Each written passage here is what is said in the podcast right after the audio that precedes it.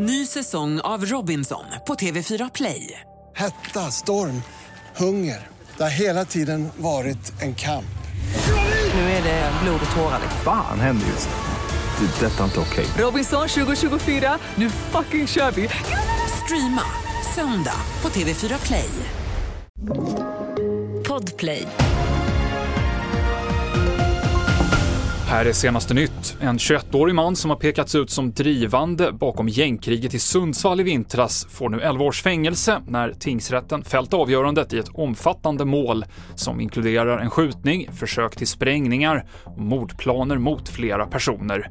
Sammanlagt 20 personer fälls, fyra frias. Den grundstötta färjan Marco Polo bärgades idag och fördes till en hamn i Karlshamn. Passagerarfärjan gick på grund tre gånger, vilket orsakat ett stort oljeutsläpp som nått land i Sölvesborg och Karlshamn och skadat fågellivet. Rederiet TT Line deltar inte i uppröjningsarbetet, något som upprör statsministern. Det här måste ju klarläggas tydligt. Alltså rederiet bär fullt ansvar och jag förväntar mig att man fullt ut deltar i det arbete som man enligt lag är skyldig att göra. Nu är det ju Kustbevakningen och andra som arbetar operativt med detta men alltså det finns ingen kompromissmån här utan rederier bär fullt ansvar för det de gör till, till sjöss. Sa Ulf Kristersson. Och barn under två år bör inte ha någon skärmtid alls och barn mellan 2 och 5 ska använda skärmar högst en timme i taget. Det är Barnläkarföreningens nya riktlinjer som baseras på forskning som visar att mer skärmtid kan leda till bland annat sämre språkutveckling, dåliga sömnvanor och ökad risk för övervikt och närsynthet. Fler nyheter finns på tv4.se.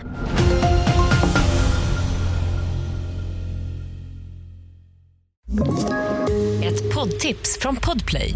I fallen jag aldrig glömmer djupdyker Hasse Aro i arbetet bakom några av Sveriges mest uppseendeväckande brottsutredningar. Går vi in med hemlig telefonavlyssning och, och då upplever vi att vi får en total förändring av hans beteende. Vad är det som händer nu? Vem är det som läcker? Och så säger han att jag är kriminell, jag har varit kriminell i hela mitt liv men att mörda ett barn, där går min gräns. Nya säsongen av Fallen jag aldrig glömmer på Podplay.